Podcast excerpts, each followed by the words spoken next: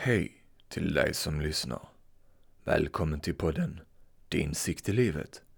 Mitt namn är Joakim Rasmussen och idag tänkte jag prata om Gräv inte i det som inte spelar någon roll. Många gånger kan det vara så att man eh, fastnar i någonting som man tar upp för sig själv om och om igen. Man eh, har kommit över någonting. Men sen så känns det som att man inte var riktigt färdig med det. Och så tar man upp det igen. Av någon anledning.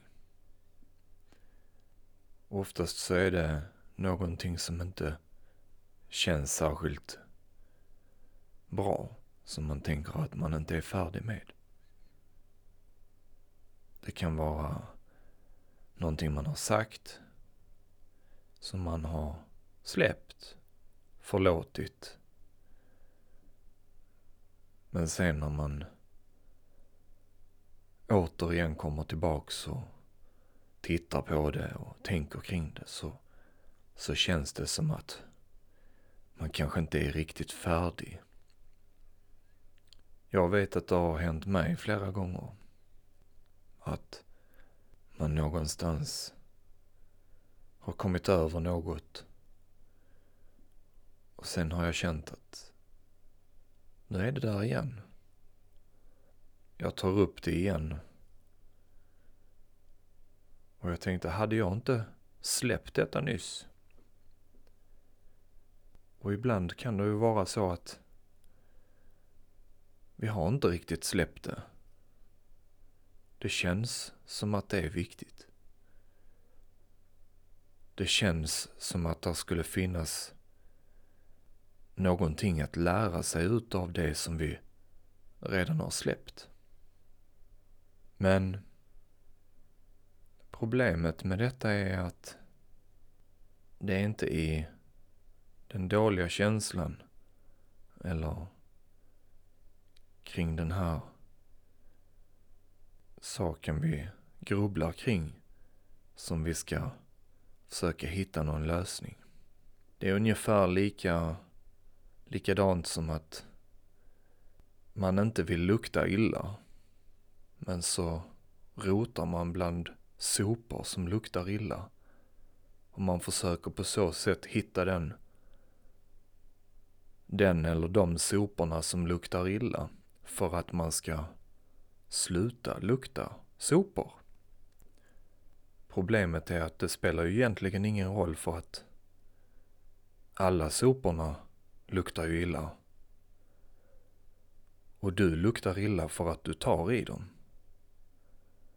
Så du kan inte hitta de soporna som luktar illa som en lösning på att du ska sluta lukta illa. Utan det viktiga i detta är ju att du faktiskt låter dem vara. Ibland kan en sån sak ta emot. Att låta saker och ting vara. Kanske är det så att någon har gjort dig illa och du känner att den ska inte komma undan så lätt. Det kan mycket väl vara så. Men ställ dig då frågan, är det viktigt att du mår dåligt för att någon annan inte ska komma undan? Är det verkligen viktigt att du ska plåga dig själv för att någon annan har redan varit elak mot dig? Måste ni vara två stycken om det. Måste du påminna dig om att den här personen har gjort dig illa. Måste du påminna dig själv om att du mår dåligt kring det. Och nej, jag säger inte att du ska tillåta att någon annan gör dig illa. Men den som någonstans inte borde göra dig illa är ju du själv. Du behöver ju inte vara den som håller känslan vid liv, som håller tanken vid liv, som håller grubblandet vid liv. Eftersom vi kan någonstans bara uppleva just det vi tänker för stunden. Det viktigaste är att förstå att det handlar inte om att förlåta någon annan nödvändigtvis när det inte känns okej okay för dig själv. När det inte känns läge att förlåta. Men kanske du kan se din egen oskyldighet att inte kunna släppa det.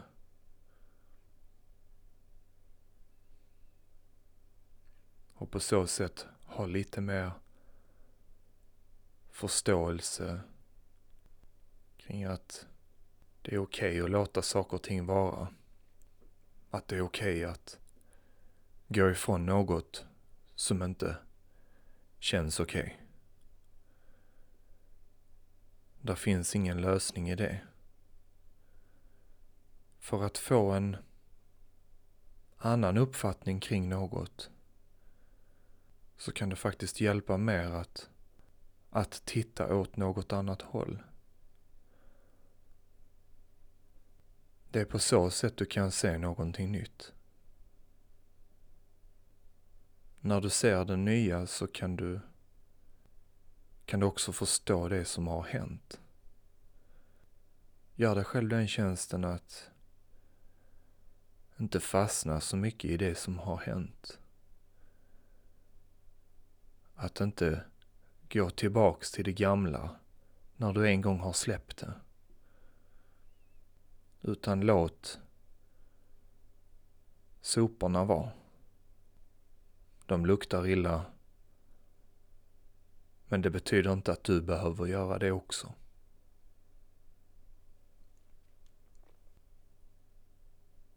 Jag tackar så mycket för att du har lyssnat på detta avsnittet. Hoppas att det har gett dig lite mer förståelse kring hur vi fungerar. Numera så kan man prenumerera på denna podden. Det tillkommer nytt material, hej vilt. När som helst kan det dyka upp någonting nytt. Missa inte det.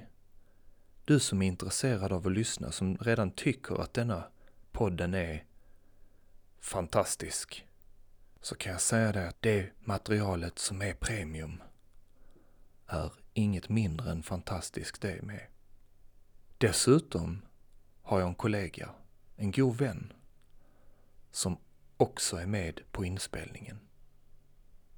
Jag vill även att du ska lyssna på hans underbara stämma och de reflektionerna som vi kommer fram till. Detta kan vidare skapa andra möjligheter till alla de som lyssnar.